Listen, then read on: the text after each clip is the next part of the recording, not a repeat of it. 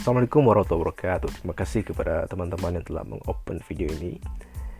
Dan sebenarnya video ini, uh, walaupun sebenarnya video ini nggak ada videonya ya, cuma ada audionya doang. Yang mana sebenarnya video ini saya buat dalam bentuk format podcast, tetapi sengaja saya bentuk dalam format video supaya bisa diupload ke YouTube.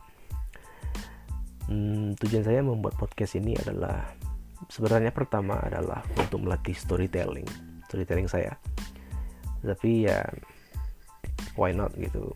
Kita berbagi pengetahuan gitu ya. Nah yang mana pengetahuan yang saya bagikan ini semoga berguna ya bagi yang membutuhkan pengetahuan ini. Uh, apalagi ya? Dan bagi orang-orang yang sebenarnya nggak butuh pengetahuan ini uh, saya harapkan bagi yang mendengar sekarang ya itu bisa menjadikan pengetahuan ini untuk memperluas wawasan gitu. Biar otaknya ada isinya gitu biar otaknya isinya nggak prank-prank doang gitu. Isinya nggak uh, konten-konten sampah gitu. Saya nggak tahu ya apakah konten saya ini sampah atau enggak gitu. Tapi semoga enggak sampah gitu. Baik tanpa berlama-lama lagi uh, pada podcast kali ini sesuai dengan judul saya akan membahas judul di bawah video uh, saya akan membahas tentang Internal Security Act. Nah, apa sih itu Internal Security Act gitu? Nah, Internal Security Act adalah sebuah kebijakan politik yang dulunya pernah diterapkan di Malaysia pada tahun 1960-an yang berfungsi untuk membendung uh, untuk melawan, untuk membasmi yang namanya ideologi komunisme di Malaysia.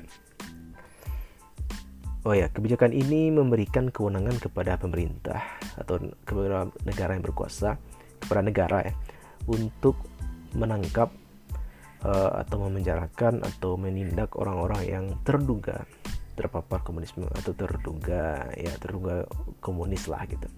Atau yang lebih kita kenal dengan azas praduga bersalah.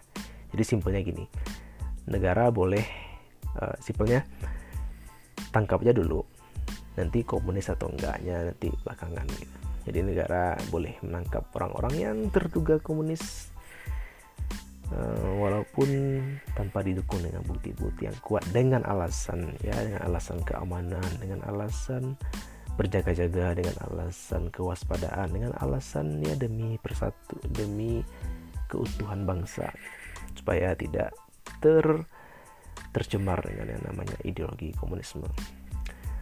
Oh ya, kebijakan ini uh, tidak bisa kita lepaskan dari yang namanya konteks perang dingin. Yang mana uh, ya ini sudah populer ya. Hmm, pada masa perang dingin itu bertarung ya dua kekuatan besar yaitu antara Uni Soviet dan Amerika Serikat yang mana Uni Soviet itu berdiri dengan ideologi komunismenya dan Amerika Serikat dengan ideologi kapitalismenya dan tentunya bisa kita simpulkan bahwa Malaysia pada masa itu uh, bertentangan dengan Uni Soviet karena ya karena Internal Security Act tadi gitu kan, karena kebijakan tadi gitu.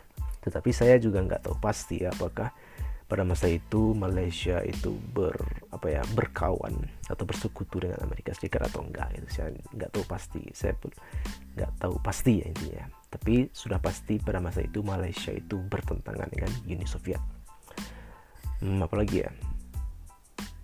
Hmm, oh ya.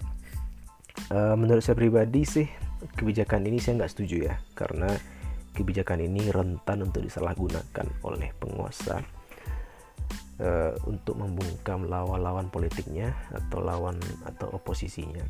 Dan tentunya bisa kita simpulkan ya bahwa tujuan uh, pemerintah yang berkuasa membungkam lawan-lawan politiknya atau posisinya supaya pemerintah yang berkuasa bisa menjalankan dengan mulus gitu kebijakan politik yang sudah mereka gariskan gitu.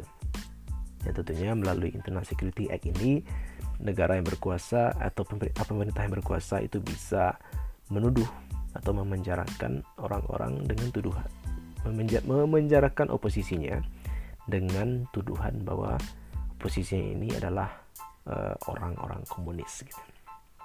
Jadi ya itulah kenapa saya nggak setuju ya kebijakan ini. Gitu.